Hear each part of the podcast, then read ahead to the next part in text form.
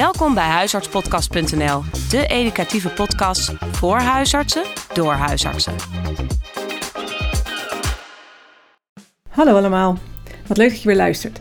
Ik ben Femke Veldman en ik wil graag dit tweeluik introduceren over de ziekte van Meniere. Een vervelende ziekte die een leven behoorlijk kan ontregelen, hoe hard je ook een doorzetter bent.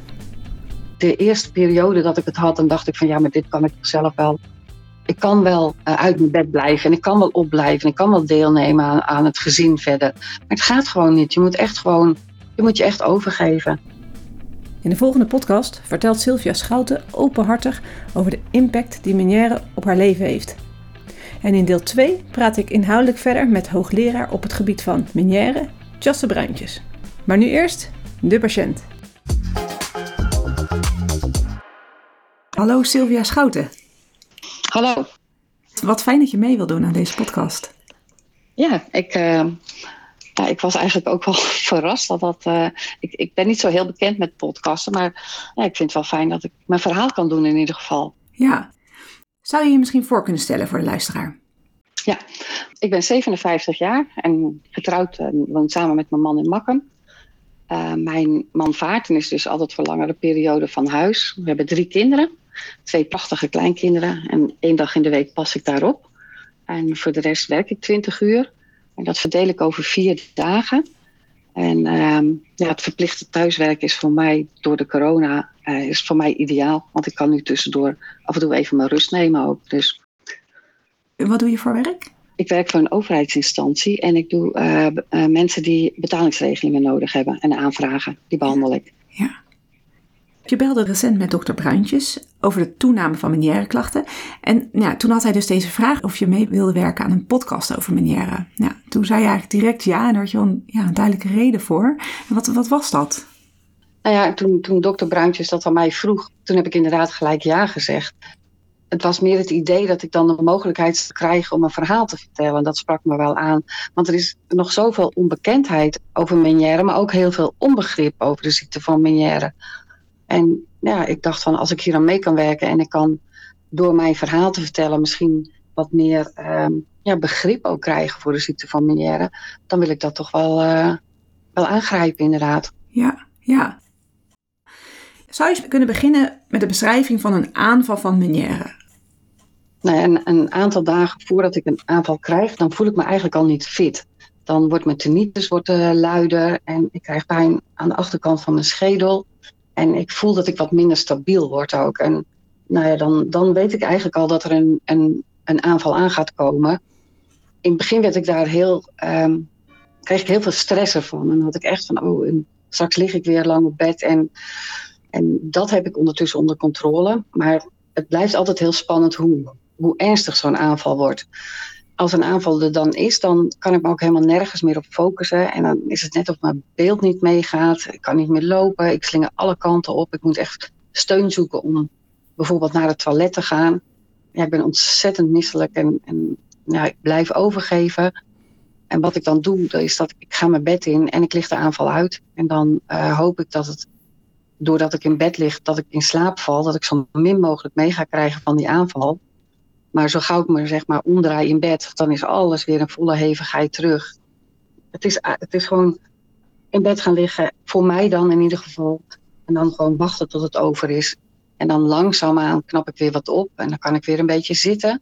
En uh, ik ben altijd ontzettend boos geweest als ik daar dan lag. En, en, en niet kan doen wat ik wil, maar vooral het niet zelf in de hand hebben. Dat, dat is iets wat ik heel erg tegen heb gevochten eigenlijk wel het is onmachtig allemaal. Ja, want je hebt totaal geen grip op wat er op dat moment gebeurt. Nee, absoluut niet. De eerste periode dat ik het had, dan dacht ik van ja, maar dit kan ik toch zelf wel. Ik kan wel uh, uit mijn bed blijven en ik kan wel opblijven en ik kan wel deelnemen aan, aan het gezin verder. Maar het gaat gewoon niet. Je moet echt gewoon, je moet je echt overgeven. Het is ja. echt, uh, ja. Je, kan, je hebt niks in de hand. Je geeft de regie totaal uit handen aan de ziekte eigenlijk. Ja. Heb je dat ooit was met iets gehad dat je dus inderdaad ziek was van iets en dat je, uh, dat je gewoon niet soort van door kon bikkelen? Nee, je moest gewoon echt de ziekte uh, de regie geven. Ja. ja, ik heb ooit een keer heb ik een, uh, streptokokkeninfectie uh, had ik opgelopen. En daar ben ik toen ook heel erg ziek geweest, dat ik ook helemaal niks kon. Dat ik echt op het punt stond dat de arts zei van ja, je moet naar het ziekenhuis. En dat was ook een beetje zoiets, weet wel, waar je gewoon ook zo beroerd van was, dat je gewoon ook niks meer kon. Dat is eigenlijk het enige, ja. Ja, en dan is dat een uh, ziektebeeld wat, ja, wat behandeld wordt en dat gaat weg. En, en dit is natuurlijk anders, want dat blijft terugkomen. Ja. ja. Ja. Klopt, hier, hier, kom je niet van af. En, en het is natuurlijk wel zo dat met de jaren zeggen ze dat het uh, dooft, zeg maar. En de schade die je opgelopen hebt, zoals je gehoorverlies en je tinnitus, en in dit geval ook mijn evenwicht, wat natuurlijk niet meer goed is, dat blijf je houden. Maar de ziekte zelf dooft uit. Alleen bij een kleine groep blijft het dus gewoon doorgaan. En ja, ja die groep zit ik dan. En uh, ja, daar kan je heel boos om worden. Ben je echt heel Weet je, ik ben iemand die altijd alles oppakt en wel weer doorgaat. Maar hier moet je je echt gewoon op een gegeven moment gewonnen geven. Van oké, ik heb het. En uh, als het er is, dan moet ik me gewoon aanpassen aan de menière. En de menière past zich echt niet aan mij aan. Ja. Je hebt hier dus niks aan een beetje doorzettingsvermogen. Nee, nee. nee want daar, dat is eigenlijk, want dat zit heel erg in mij. En uh, ik zoek altijd wel weer een weg om ermee om te gaan. Wel, maar um, het, het, pakt je gewoon helemaal. Het is, je kan er helemaal niks mee. Die ziekte pakt je. En ja, en hoe meer je er tegen vecht, hoe meer energie het je gaat doorstoken. En, en hoe zagrijniger je ervan wordt natuurlijk. Ja. En op een gegeven moment moet je ook zien dat ja, dat is voor jezelf niet fijn, want je krijgt er meer stress door. Maar ook voor je omgeving is het niet fijn als je echt zo blijft ja, duwen tegen iets waar, ja, wat geen kant op wil als het er is. Het blijft gewoon. Ja. Je zegt je, je moet op bed gaan liggen en je, gaat, je ondergaat zo'n aanval en op een gegeven moment ja, wordt het minder. En dan merk je dat je weer op kan gaan zitten en wat kan gaan doen. Maar hoe, hoe lang duurt dat bij jou? Ik lig altijd wel een dag op bed, absoluut. Ja. En, dan, uh, en dan kom ik weer een beetje tot leven. Of tenminste, dan kom ik weer uh, uh, omhoog, zeg maar, uit mijn bed weer. Ja. Maar de dagen daarna, dan ben ik altijd ook nog heel wankel ook. En mijn hoofd zit er nog helemaal vol. En Mhm. dan, dan moet je ook nog herstellen. Het is, het is ja, het, het blijft lang nazeuren, zeg maar, voor, voordat je echt denkt van nou, nou is het echt wel even weg weer. Ja, ja. En dan in totaal, met beginperiode stuk na de aanval, is dat dan een soort van een week of zo? Nee, dat kan wel een paar weken zijn. Een paar weken zelfs zo. Ja, ik heb soms zelfs een week of twee voor die tijd, of iets langer. En dan begint gewoon die, die voorsymptomen beginnen al. Hè? Wat ik zei, dat die tinnitus Ja. wordt en dat mijn schedel zeggen. Dat is soms echt wel drie weken van tevoren. En dan kun je wel je ding blijven doen, want ja, oké, daar kun je er nog wel gewoon mee werken. En, eh, maar je voelt je al niet goed. Dus zo'n aanval is, het, is niet alleen die dag. Het is ja, het, het hele, alles eromheen ben je gewoon in mijn geval een paar weken zoet. Ja, ja. Laten we eens bij het begin beginnen. Wanneer had jij het eerste keer uh, hier last van? Klachten die hierbij zouden kunnen passen, maar toen had het waarschijnlijk nog helemaal niet de naam Meniere voor jou. Nee, maar het gekke is dat ik helemaal geen klachten of gekke dingen aan mezelf heb gemerkt voordat ik uiteindelijk een aanval kreeg. Want ik was met een vriendin bij ons thuis en wij zouden samen ergens wat gaan eten. Dus wij zaten buiten nog even een drankje te drinken en we zaten te overleggen waar we zouden gaan eten. En toen zei ik op een gegeven moment van, goh, ik voel me niet zo lekker, ik, krijg een beetje last van mijn hoofd. Nou ja, toen zeiden we van, nou ja, oké, dan blijven we thuis, maar stellen we wat. Maar binnen een uur lag ik op de bank en ik had tinnitus in mijn oor. Mijn hoofd liep helemaal vol. Ik, ik, ik liep overal tegenaan. Ik moest overgeven. Het was, ik heb geen voorsymptomen gehad of ik, helemaal niks. Het was echt van het een op het andere moment was het gewoon raar. Mijn zoon was ook thuis. En ja, die hebben op een gegeven moment maar de huisartsenpost gebeld. En die huisarts is toen ook gekomen. En dan tijdens die aanval was het dus ook die flinke tinnitus. En dan de draaiduizeligheid ja. en braken. Ja, ja. Je weet niet wat je overkomt. Nee. Het is binnen een uur gebeurd. We zaten gewoon gezellig buiten. En het ene moment zeg ik, goh, ik kon niet zo lekker. Nou, en het was echt, het was gewoon idioot gewoon. Het was echt uh, heel vreemd om dat mee te maken. Ook dat je ineens zo ziek kan worden. En het is ook best wel beangstigend als je ja. ineens zoiets in je hoofd krijgt. Ook dat je denkt, ja, wat, wat is er aan de hand? Wat, wat? Ja, het is, het is, ik vond het heel angstig om het zo de eerste hm. keer te beleven eigenlijk. Hoe lang geleden is dit? Ik denk dat het nu zo'n zes jaar geleden is. Oké. Okay. Dus toen was je 51? Ja, ja, klopt. Ja. Ja, en dan gaat er van alles door je hoofd en ik heb ik weet ik wat een beroerte of zo, lijkt me. Dat, dat, Ja, eh, ja. ja. Absoluut, absoluut. Want op, ik, ik, ik, eh, ik was echt zo beroerd dat ik, ik heb op een gegeven moment niet meer meegekregen dat hun die huisarts hebben gebeld. En toen die hier was, wel natuurlijk weer. Maar dan gaat het inderdaad door je hoofd van, oh weet je, straks heb ik een beroerte of er is, er is iets aan de hand. En, en ik had ook nog nooit van de ziekte van Meniere gehoord zelfs. Dan denk je inderdaad dat er gewoon in je hoofd iets geknapt is. Of, of. Maar goed, die, die huisarts die kwam.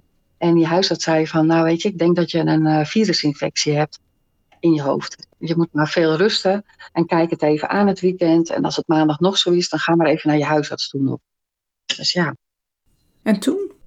nou ja, ik ben toen inderdaad maandags terug naar de huisarts gegaan, omdat ik gewoon echt helemaal nog niet lekker was. En ehm, nou, die huisarts die zei van, nou, ik denk eigenlijk ook wel dat het een, eh, een virus is in je hoofd. En neem gewoon even wat rust en dan komt het wel weer goed. En ik zou tien dagen later zou ik naar Bangkok vliegen, omdat mijn man daar afgelost werd. En dan zouden we vakantie houden.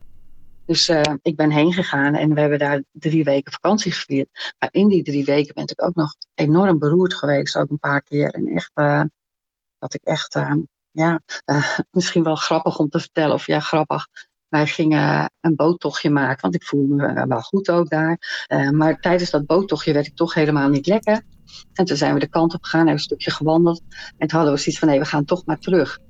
En toen was ik echt zo beroerd. Toen was eigenlijk hetzelfde begon weer. En toen ehm, was er op die boot, was helemaal vol. Dus je kon eigenlijk nergens zitten. Maar er was één plekje vrij, zag ik. En daar zat een monnik. En eh, dus ik ging daar gewoon naast zitten. Ik dacht, nou ja, niemand wil naast die monnik zitten. Maar, maar ik werd door de meneer van de kaartjes eh, van de boot, werd ik onmiddellijk verzocht op te staan. Want je mag helemaal niet naast een monnik zitten in Thailand. Ja, nou, ik ben op een gegeven moment, dus na de vakantie ben ik teruggegaan naar de huisarts weer. En eh, die zei van, joh, eh, als het nu nog zo is en je hebt zoveel aanvallen, dat is niet goed. En ik vermoed dat de kristalletjes losgelaten zijn. En ik ga je doorsturen naar de KNO-arts. Nou ja, daar kon ik al heel snel terecht. En nou, die KNO-arts dacht het ook. Dus toen moest ik eh, de Epley-manoeuvre ondergaan. Nou, dat hebben ze gedaan. En toen kon ik naar huis. En toen zeiden ze, nou, en dan moet het in de komende tijd moeten beter worden. Maar je moet het thuis ook een paar keer per dag doen. En dus dat heb ik braaf gedaan. En, eh, maar ja, dat bleef maar. Het, het werd gewoon niet beter ervan. En ik kreeg nog steeds aanvallen. Dus ik ben teruggegaan naar die uh, KNO-arts dat het niet hielp. En uh, KNO-arts die zei tegen mij, je hebt de ziekte van Meniere. En hier heb je een folder, daar staat alles in. En als je het niet helemaal snapt nog, dan kun je alles op internet ook wel vinden. En um, je moet nu een afspraak maken met uh, de assistent voor een uh, MRI-scan, want het kan ook nog zijn dat je een rughoektumor hebt. En ja, ik ben die wachtkamer uitgelopen en mijn man die zat op me te wachten. En ja, ik, ik, ik snapte totaal niet wat ik had. En, en dan hoor je ook nog dat je misschien een brughoektumor kan hebben. En Zo. ik wist helemaal niet. Dat, ja, ik, ik, dat is echt zo vreemd geweest. En uh, dus ik heb aan die balie inderdaad een afspraak gemaakt. En ze zei tegen mij van nou oké, ik kreeg een datum dat ik kon. En dan kun je daarna bellen voor de uitslag. Dus ik ging daarna ook niet meer naar de KNO-arts terug of iets. Of, nou, het was echt, ik vond het heel bizar. Ja, en een beetje, je komt thuis en dan zit je een folder te kijken. En, en ja, ja, dat is heel raar. Dat is echt heel raar. En uh, ik, ik ben op een gegeven moment ben ik ook weer uh, teruggegaan naar de huisarts. Van ja, help me maar, want ik, ik, ik, ik snap het allemaal niet, zeg maar. Nou heb ik gelukkig een hele fijne huisarts. En uh, die nam ook echt de tijd voor mij. En heeft met mij zitten praten over de ziekte Meniere. En heeft dingen verteld. En die heeft me toen een uh, uh, beta-histine heeft hij me toen voorgeschreven. Ga dit maar proberen, misschien heb je er wat aan. Maar ja, dat werd steeds hoger en steeds meer. Dus dat werkte gewoon niet. In die tussentijd had ik onderhand ook al een, uh, een gehoorapparaat gekregen. Met een tinnitus maskeerde erop. Nou ja, dat gaf dan wel iets verlichting. Maar eigenlijk kwam bij mij alles in het beginstadium, alle informatie kwam bij mij wel bij de huisarts vandaan. Uiteindelijk liep ik natuurlijk met het hele verhaal in mijn hoofd. En ik had dan wel de huisarts waar ik terecht kon. Maar dan ga je het in je omgeving ook een beetje zeggen tegen iedereen. Van ja, ik heb de ziekte van Meniere, maar ik weet nog niet hoe het af gaat lopen. Of hoe het gaat worden. Hm. En toen had ik op een gegeven moment een uh, buurvrouw hier aan de overkant bij ons. En die zei van, ik ken iemand die heeft ook Meniere. En die loopt in het duizeligheidscentrum in Apeldoorn toen ben ik op internet dan inderdaad eens gaan kijken naar dat duizeligheidscentrum van waar dokter Bruintjes dan ook werkt. En toen dacht ik van ja, misschien moet ik toch eens contact met hun opnemen om te vragen of het allemaal klopt ook wat ik heb. Ik heb toen inderdaad contact uh, opgenomen en uitgelegd wat ik had. En toen kon ik gelijk een afspraak maken. En daar werden wel allerlei testen gedaan met water in mijn oor en draaien en, en dingen in de kamer die er gebeurden en met licht. En daarna had ik dan een gesprek met twee artsen nog. En uh, die zeiden van ja, het is echt een ziekte van Meniere. Ja. Het is echt uh, duidelijk dat het zo is. Ja, toen had ik het dus echt, voor mijn gevoel. Ja, ja toen is het uh, soort van echt begonnen, het hele traject. Want daarna is ook nog wel meer gebeurd hè, qua behandelingen en revalidatie. Ja, eerst hebben we ook daar nog uh, ja, ons een beetje gefocust op de BT-stine. Om te kijken of, of, of daar nog wat mee gedaan kon worden met, mm-hmm. met uh, de hoeveelheid en alles. En, uh, maar dat was al heel snel duidelijk dat dat gewoon niet ging helpen. Daar kwam het echt niet mee onder controle. En nou ja, toen is uiteindelijk besloten om um, injecties te doen met uh, dexamethason. En daar heb ik er verschillende van gehad. De ene keer ging het een half jaar goed. Oh ja. De andere keer ging het drie maanden goed maar het, het, bleef komen en de heftigheid bleef ook komen. En dat was zo vervelend. Want ik dacht van, nou ja, als het daardoor zeg maar een lichter aanval wordt, dan kan ik er ook wel mee overweg. Dan is het ook goed. Maar de hevigheid bleef gewoon. Het, werd niet minder. Het, ik, ik bleef gewoon verschrikkelijk uh, aanvallen hebben. En, en het beheerste mijn hele leven, alles. En als ik dan ergens uh, heen moest of zo, dan was ik van tevoren al bang voor, oh, als ik maar geen aanval krijg. En en ik, ik heb bijvoorbeeld ook, uh, onze oudste was geslaagd en die heeft ontzettend hard voor gewerkt om dat voor elkaar te krijgen. Dus ik wilde heel graag bij die diploma-uitreiking zijn. Maar ik lag die dag dus plat met meniere. En dat ja. doet zeer. Dat is, ja. hè, dat, is, dat is na dat je dan, ja, je hebt er geen controle over en je moet zoiets aan je voorbij laten gaan. Dat is gewoon, ja, op een gegeven moment ging onze andere dochter, die ging trouwen. En uh, ik, ik, heb echt die weken daarvoor echt angst gehad. Dat ik dacht van, oh, als het op die dag gebeurt, dan ga ik echt alles missen. En dat is gelukkig goed gegaan.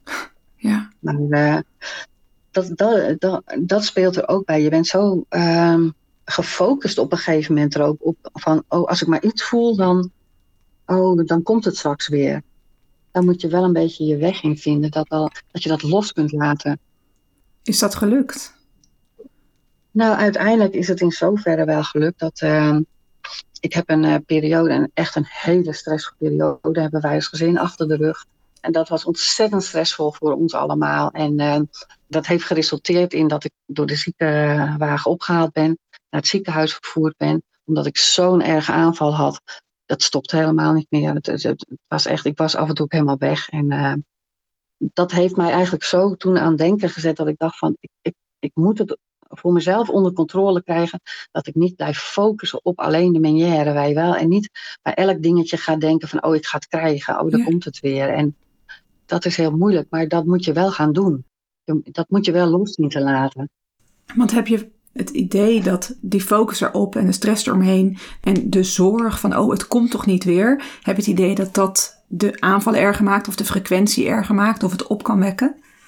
Ik denk niet dat het de focus erop in die zin van, oh voel ik wat, dat niet. Maar stress wel, daar ben ik wel van overtuigd. Als ja. je echt veel stress hebt, dan merk je gewoon dat het heel gauw misgaat in je hoofd. Dat, dat, weet je, en stress kun je niet altijd vermijden. Nee. Dat, dat probeer je zoveel mogelijk, maar dat kan niet altijd. En hoe is dat gelukt om die focus daar een beetje op te veranderen? Nou, ik weet niet, ik ben een beetje gaan kijken van, ja, wat kan ik wel? En want hm. op een gegeven moment zit je in een neerwaartse spiraal, dat je alleen maar merkt wat je niet kan. En je moet op een gegeven moment voor jezelf je focus verleggen naar wat je wel kan. Dat heb ik eigenlijk mezelf een beetje ja, opgelegd. En geprobeerd om, om afleiding in andere dingen te zoeken. Maar dat duurt heel lang. Er zijn heel veel valkuilen waar je toch door ja, gestrest weer raakt. Dat, dat is iets waar eigenlijk denk ik niemand je echt bij kan helpen. Je kunt natuurlijk wel iemand vragen die, die gespecialiseerd is in ja, een, een, psycholoog of iemand of wat dan ook. Natuurlijk kun je die vragen. En die kan je ook handvatten geven. Maar je moet het wel zelf doen. Ja. Je moet accepteren dat je het hebt, maar je hoeft niet te accepteren dat je daar altijd maar mee bezig bent, zeg maar. Dat is eigenlijk wat je moet doen. Kijk eens naar de mooie dingen gewoon. Dat, dat heb ik vooral gedaan. Echt kijken naar de dingen die je wel kan. Dat zijn er best wel veel dan ook nog. Zo'n aanval duurt dus lang. Hè? Dan uh, lig je er echt een aantal weken uit. In een jaar, hoe, hoe, hoeveel aanvallen zijn er? Hoe, hoe lang bent u uit de running in een jaar? Nou weet je, het voortraject, als je dan voelt dat je een aanval gaat krijgen, dan kan ik nog goed functioneren, weet je wel. Maar dan dan trek ik me wel wat terug, maar ik kan nog wel functioneren. Maar er zijn periodes geweest dat ik gewoon twee aanvallen in de week had. Zo. En dat is voor minière patiënten zijn er ook die misschien nog wel meer hebben hoor. Dan, en maar voor mij was twee keer in de week was toch wel heel heftig allemaal. Want je bent uiteindelijk net ge, eh, een beetje opgekropen van de Ja. ene aanval en, en de volgende komt alweer. Maar in het begin bij mij, voordat ik met die dexamethason begon, toen had ik echt gewoon twee aanvallen wel in de week. En dan was het weer één of twee weken rustig en dan begonnen we weer. En dat die dexamethason, die had daar eh, wel een goed effect op, hè, aanvankelijk. Ja, dan was ik gewoon even een paar maanden beter, zeg maar. Iets voelde ik wel. Hè, maar ja, op een gegeven moment, die dexamethason gaf gewoon niet een langdurig effect. Dus nou, toen is er overgestapt op de gentamicine uiteindelijk. En die, eh, dan is mijn evenwichtsorgaan is uitgeschakeld. Daar heb ik wel heel veel voor moeten doen om weer eh, gewoon dingen te kunnen gaan doen zelf ook. En, en, eh, hè, en, en zoals mijn man vaak natuurlijk. Dus ja, die is ook best wel vaak van huis uiteraard. En dan moet ik het alleen redden ook. En ik denk dat het ook heel belangrijk is dat je om je heen gewoon een netwerk hebt van mensen die begrijpen wat er aan de hand is. En waar je ook gewoon op terug kan vallen ook. Ik kan me ook voorstellen met, weet ik wat, afspraken, dineetjes, met werk, dat die ook ineens niet door kunnen gaan. Dat er ook respect moet zijn vanuit eh, kennissen, vrienden, maar ook vanuit de werkomgeving. Ja, ja, klopt inderdaad. En dat is met name natuurlijk moeilijk omdat het is zo onbekend. Mensen snappen het niet gelijk. Die, die, je kunt het vertellen, maar het komt niet bij ze binnen hoe heftig het is eigenlijk. Mensen hebben wel tegen mij gezegd, kun je het vergelijken met een beetje grieperig zijn? Nee, totaal niet. Dat komt niet eens in de buurt. Maar ik, ik heb op mijn werk ben ik er altijd heel open over geweest, wat ik heb, ook tegen collega's en zo. En dan zeiden mensen ook wel eens van, eh, nou ja, dan stop je toch met werken. En dan dacht ik van ja, ga ik stoppen met werken, wat ik graag doe. Ik, ik vind mijn werk leuk om te doen. En dan heb je het gevoel dat je weer iets in moet leveren aan de minière. Ja, ook een tinnitus. Dan zeggen mensen wel eens van, eh, eh, nou zet je toch koptelefoon op. Ja, nee, het zit in, in mijn hoofd. Of doe een oordop in. Of, of... Maar dat is het allemaal niet. En, en dat neemt heel veel energie. Dat ik er tegenaan liep dat mensen gewoon niet begrepen wat er aan de hand was. En wat, ja, wat, wat, het, wat het voor impact heeft. Als ik 's morgens zeg maar een aanval gehad heb, dan kan ik niet 's middags alweer naar mijn werk rijden. Zeg maar van oké, nou dan kom ik vanmiddag wel werken of wat dan ook. En, en, en mensen denken vaak als je zo'n aanval dan gehad hebt, dan is het ook klaar weer. Als je als je, je been gebroken hebt je zit zes weken in het gips, dan is het klaar. Dan kun je weer een beetje misschien moeilijk lopen nog, maar het is klaar. Maar bij meniere is het eigenlijk nooit klaar. Het, is, het, blijft altijd sudderen. En het is gewoon een aanval.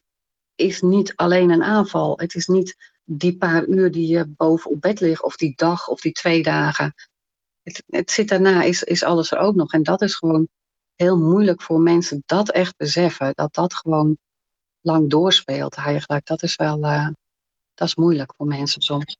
Ja, en ook, het is natuurlijk niet een, hè, als je, nou ja, noem eens wat, als je iemand die migraine hebt bijvoorbeeld, dat snappen mensen allemaal. Maar mensen snappen ook dat je na migraine niet gelijk helemaal weer topfit bent. Maar omdat mensen minière gewoon niet echt ja, goed, goed weten wat het is, of oh, misschien überhaupt al nooit van gehoord hebben, die snappen dat gewoon niet. En dat duurt even voordat je dat goed uitgelegd krijgt, want mensen het snappen ook gewoon. Dat is lastig. Ja. Ja, goed, ik, ik, werk met twee schermen normaal gesproken. Maar dat heen en weer schakelen van het ene naar het andere scherm, dat is voor mij ook heel lastig. Want daar word ik ook duizelig van. Dus ik heb op mijn werk een groot scherm gekregen, waar het gewoon goed overzichtelijk is allemaal. Dus in die zin hebben ze me allemaal wel goed geholpen. Als ik zit, dan gaat het goed. Hè? En dan, uh, uh, nou, dan kan ik het allemaal. En als ik dan ga staan, dan moet ik eerst gaan staan. En dan moet ik me even ergens op focussen om alles gelijk te krijgen. En als ik dat dan weer gedaan heb, dan kan ik best wel gewoon weer uh, lopen. Maar in het begin had ik dat helemaal zelf niet in de gaten. Dus dan stond ik op of iemand riep mij bijvoorbeeld. Als ik bijvoorbeeld loop en iemand roept mij, je eerste reactie is dat je je omdraait als, het achter, als je het achter je hoort. Ja. Maar als ik dat doe, dan val ik om, want dan gaat mijn beeld niet mee. Hm. Dus wat ik nu uiteindelijk geleerd heb, is dat ik gewoon als ik dan iemand hoor, dan ga ik eerst staan van waar komt het vandaan. En dan draai ik me rustig om en dan geef ik pas antwoord. Dat gaat eigenlijk niet weg. Ik had een motor, ik reed mijn motor en uh, ja, die heb ik verkocht. Want dat, dat kan je gewoon niet meer doen als je een menière hebt. En zeker niet na die gentamicine met dat evenwicht allemaal. En, maar ik heb nu een elektrische fiets met een spiegel. Een goede vervanger, een redelijke vervanger. Ja, zoiets, ja. Nee, ik hoef nu niet in een pak en een helm. Ik kan nu gewoon opstappen. Dat scheelt. Ja. Maar ook die, die, die, die spiegel, hè. Ik kreeg een, eh, van mijn dochter kreeg ik dan een spiegel voor mijn verjaardag op mijn fiets. En ik dacht van, nou, dat wil ik helemaal niet. En, eh, maar mijn man die heeft hem erop gezet en ik ben gaan fietsen. En nou, ik geniet er gewoon van, van die spiegel. Ja. En dan is die spiegel dus van meerwaarde, omdat je dus niet continu zo om hoeft te kijken. Ja, want als, Ja. Ik, als ik zeg maar fiets en ik moet achterom kijken omdat ik naar links af wil slaan of iets, dan gaat mijn fiets ook gelijk mee die kant op. Oh ja, ja. Dat kan niet. Dus ik moest altijd, als ik zeg maar over wilde steken, moet ik afstappen. Of als ik samen met iemand anders fiets, die ziet natuurlijk ook wel over, dan kon ik wel meerijden. Hm. Maar als ik alleen fiets, dan moest ik gewoon echt afstappen om eerst even te kijken, want anders ga ik ook die kant op. Dus die spiegel, ja, die is eigenlijk gewoon helemaal geweldig. Dus Ja. al met al is het echt nou ja, hè, een lesje nederigheid ten opzichte van de ziekte van Meniere. Ja. Want je, je, je, je moet het gewoon over, over je heen laten komen. Niks Ja. aan te doen. Maar ondertussen zijn er dus heel veel dingen die, ja, eh, aanpassingen, eh, soms zo simpel als een spiegel, maar die het wel, ja, het leven gewoon weer mogelijk maken. Ja, ja. En dat is wat ik ook bedoel. Je moet altijd blijven kijken naar. Er er wordt er, heel veel dingen kun je niet meer met een jaar. Ik was laatst met mijn kleindochter naar de kinderboerderij en daar stond zo'n eh, ding op en dan moet je aan zo'n wiel draaien en dan draait dat rond, weet je wel. Dus ik dacht van nou, dat kan ik wel even met haar doen.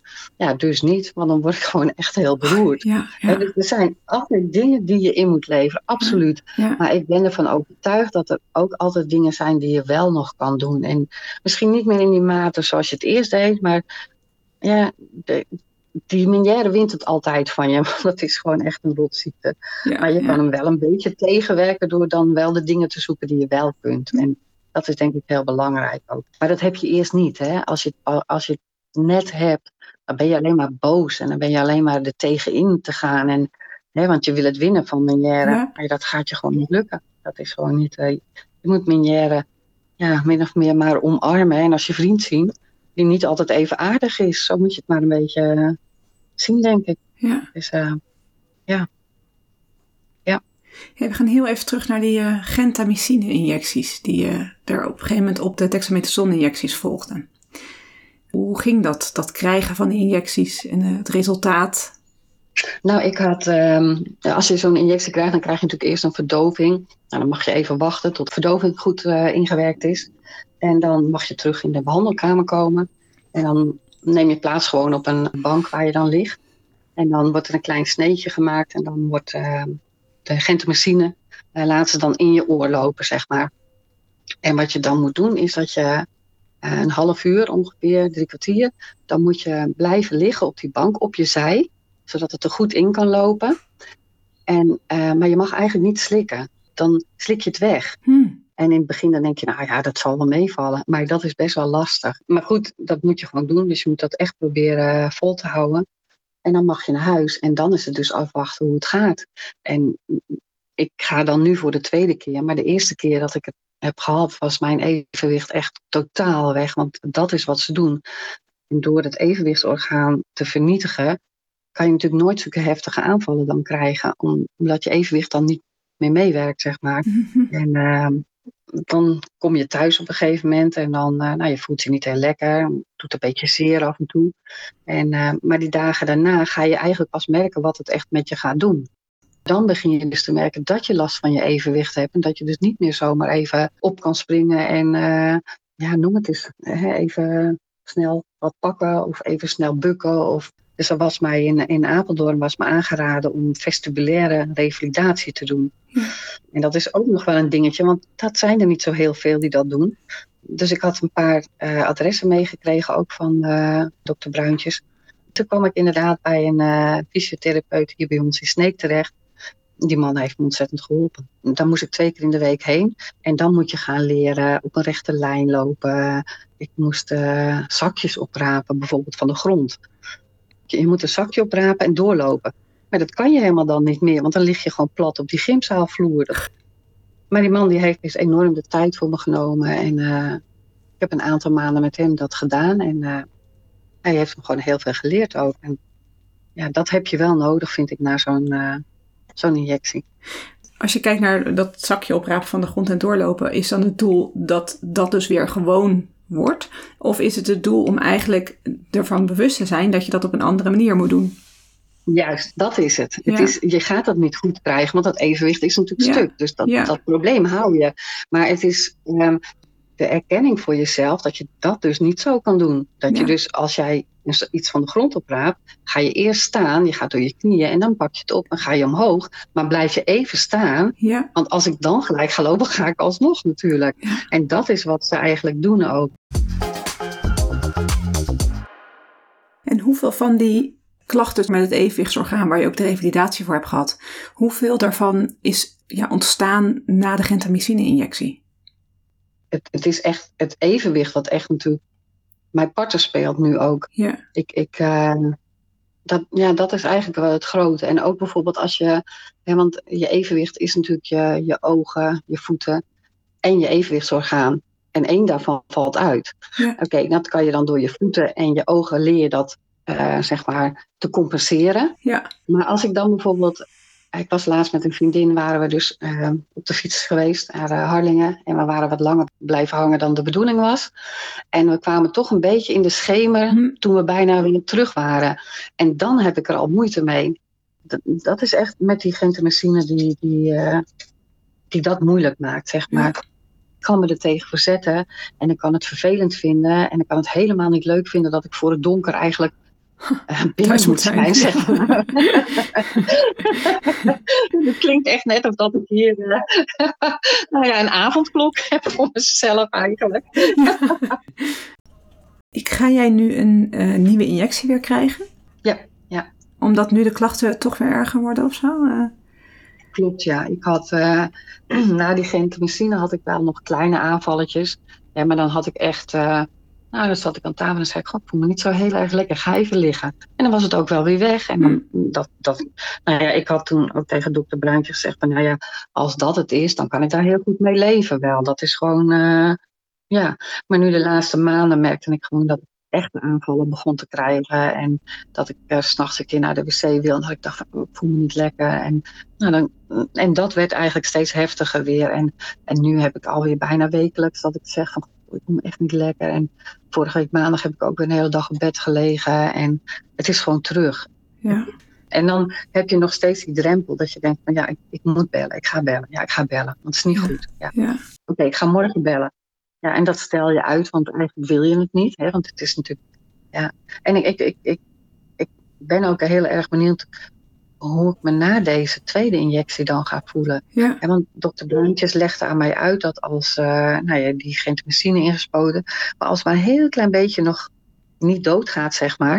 Ja, dat klinkt heel naar, doodgaan, maar als, hè, als, het blijft, als dat overleeft, zeg maar, dat hele kleine stukje nog, dat kan dus voor die problemen weer zorgen. Wat ik nu dus weer tegenaan loop. Ja. Maar dan ben ik zo benieuwd als dan dat hele kleine stukje nu dan zeg maar ook uitgeschakeld gaat worden hoe ik me dan ga voelen. Of ik dan me net zo weer voel als toen. Hè, dat, ik, dat ik echt gewoon weer um, iemand nodig heb om me weer even op het juiste pad te zetten. Of dat het gewoon dat kleine stukje is wat eigenlijk dan die hele kleine aanvalletjes bleef uh, uh, veroorzaken, zeg maar. En dat ik er straks ook niet zo heel veel van merk dat ik die injectie heb gehad. En uh, dat is heel verschillend, want ik heb dat sowieso aan een paar miljarden patiënten gevraagd. En uh, de een zegt van nee, ik heb er geen last van gehad, helemaal niet. En de ander zegt, nou, ik heb drie dagen helemaal van de wereld op bed gelegen. Ja, het is heel verschillend. Het is ook niet helemaal gelijk met iedereen. Sommige dingen zijn ook um, moeilijk om alleen te doen, zeg maar. En, en dat, dat is ook wel, als ik bijvoorbeeld in een hele erg een druk gezelschap ben of zo, dan kan ik, kan ik dat ook niet helemaal mee goed um, ik kan me eventjes heel goed op een gesprek concentreren met iemand. Maar omdat er dan zoveel om me heen gebeurt, dan kan ik dat op een gegeven moment ook niet meer. Dan is het ook weer te veel. Ja, want ik, ik ga wel eens naar mijn man toe dan als hij ergens afgelost wordt. Of als hij lang ergens ligt met de boot. Dan ga ik met het vliegtuig erheen en dan kan ik daar een week of twee, wat dan ook, even er zijn. En um, nou ja, in het begin ga je gewoon naar het vliegtuig en je staat in de rij bij de paspoortcontrole en bij de tassencontrole. Maar eigenlijk kan ik dat helemaal niet meer. Dat is eigenlijk zoveel om, zo druk dan. Dus ehm, toen stond ik een keer aan de balie om in te checken. En ik heb dan altijd een, een, een, stok bij me, omdat ik me dan wat beter voel met lopen. En die vrouw zei van, heeft u hulp nodig? Ik zei, nee, ik heb geen hulp nodig. En toen zei ze, ja, maar we kunnen u zo uh, makkelijk tussendoor even naar het vliegtuig brengen. En toen heb ik het niet gedaan. En toen ging, ging ik daar het hele traject natuurlijk met die controles en zo. En ik was helemaal back af. Ja. En toen ging ik daarna, en een tijd later ging ik weer. En uh, toen zei een mevrouw weer tegen mij: van, heeft, u, uh, heeft u hulp nodig? En toen dacht ik: Weet je, ik ga het gewoon doen. Ik ga het gewoon doen. En uh, toen heb ik inderdaad ja gezegd. Nou, dan moet je daar in zo'n kamertje zitten te wachten. En dan op een gegeven moment word je opgehaald. En dan rijden je in zo'n karretje rond of in een rolstoel. Maar het is zo fijn. Want je wordt gewoon langs alle controles. Je gaat in een aparte rij en ze zetten je daar neer. En dan wacht je, dan krijg je wat te drinken. En dan brengen ze je naar het vliegtuig. En, maar het, het is wel weer iets wat je Um, als ik dat zeg maar zes jaar geleden, toen ik het net had, had ik dat absoluut niet gedaan. Dan had ik echt zoiets van, ja, maar dat ga ik niet doen. Ja. Maar nu wel. Omdat je gewoon weet dat je dan, um, je voelt je beter daarna. Je bent dan, de vermoeidheid wordt minder, omdat je gewoon even geholpen wordt. Ja. En dan denk ik, ja, dat, dat zijn, uh, ja, dat moet je dan maar gewoon doen. Dan gaat het daarna juist met jezelf gaat het gewoon beter, omdat je niet alles eh, eh, zo stressvol hebt, hebt doorgemaakt. Ja. Ja, ja, Ja. Er is heel veel, is er heel zwaar, heel lastig, eh, vraagt veel van jezelf. Kan je toch nog eens weergeven van dit en dat, dat dit lukt wel? Weet je, mijn moeder, het is echt, mijn moeder zei altijd, eh, en die was heel erg ziek, en die zei altijd tegen mij, komt goed schatje. En daar, ja, dat hebben wij een beetje in de familie zo ook, hè. En dan, ehm, dan denk ik bij mezelf, ook met de minière, dat blijft bij je. Het wordt gewoon je bagage. Hm. Hè? Maar dan denk ik van, het komt ook wel goed. Maar voordat je weer een beetje eh, de regie over je hoofd, zeg maar, krijgt, Ja, dan is er een hele lange weg met heel veel valkuilen, heel veel hob- hobbels en alles. Hè, maar als je eenmaal al die hindernissen genomen hebt en je beseft gewoon dat er gewoon ook veel dingen zijn die je wel kunt, wij wel. En als je dan in wat rustiger vaarwater komt, en dan geniet dan van de dingen die je nog wel kunt, want die zijn er altijd. En, en, en er komt altijd wel iets voor in de plaats wat je. Ja. Hè, nou ja, net als dat ik dan niet met motor rijd, maar ik ga nu wel op mijn elektrische fiets fietsen. Ja. En dan denk ik van ja, nee, je moet het een beetje zien te relativeren soms, denk ik. Ja. En wat was het laatste wat jij zou willen, willen meegeven aan de huisartsen? Ehm, nee, ik, ik heb enorm geluk gehad met mijn huisarts. Die had snel door wat er aan de hand was en ik kwam in het juiste terecht. Maar ik denk dat het heel belangrijk is dat ze goed luisteren naar een patiënt met manieren. En ook al kunnen ze op dat moment niks doen, maar luister gewoon eens naar het verhaal van zo'n patiënt. Hm. En, en eh, je hoeft niet altijd iemand een pilletje te geven of wat dan ook, maar gewoon als diegene komt en het even niet meer weet, is het gewoon belangrijk dat er geluisterd wordt en dat, er, dat je beseft Ehm, dat er meer zit dan alleen een patiënt. Want het hele sociale leven gaat er gewoon, er moet anders ingesteld worden. Het is niet alleen, eh, zoals ik al zei, een dag op bed liggen. Je, je, je moet alles aanpassen. Ja. Hè? En ik, ik, ik denk dat dat gewoon nodig is. Dat het, het- ja, gewoon het luisterend oor, dat is iets wat heel eh, belangrijk is bij minière. Ja. Denk ik. Ja.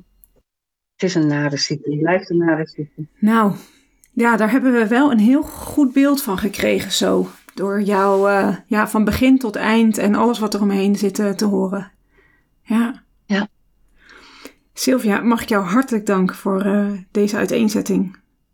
Graag gedaan. Ik hoop dat jullie er wat aan hebben. Jazeker. En dan Hey, succes met de, de, vol, de, ja, de komende injectie. ik zie er ook wel weer naar uit. Dat ik denk van, hé, dan ben ik dit misschien weer kwijt een tijdje. En dat is ook wel weer fijn om. eh, Ja, dus dan ga je ook wel weer met een, een goed gevoel die eh, behandelkamer in. ja. Op naar weer minder aanvallen, ja. Zo is dat. Hey Sylvia, dank. Ja, oké. Doeg. Doeg. Dit was het verhaal van Sylvia Schouten over het hebben van de ziekte Meniere. En in deel 2 volgt de uitleg over het ziektebeeld door de KNO-arts en hoogleraar Tjasse Bruintjes. Tot deel 2. Bedankt voor het luisteren. Bekijk ook onze website op huisartspodcast.nl. Voor vragen of suggesties kun je mailen naar huisartspodcast.gmail.com. Tot de volgende keer.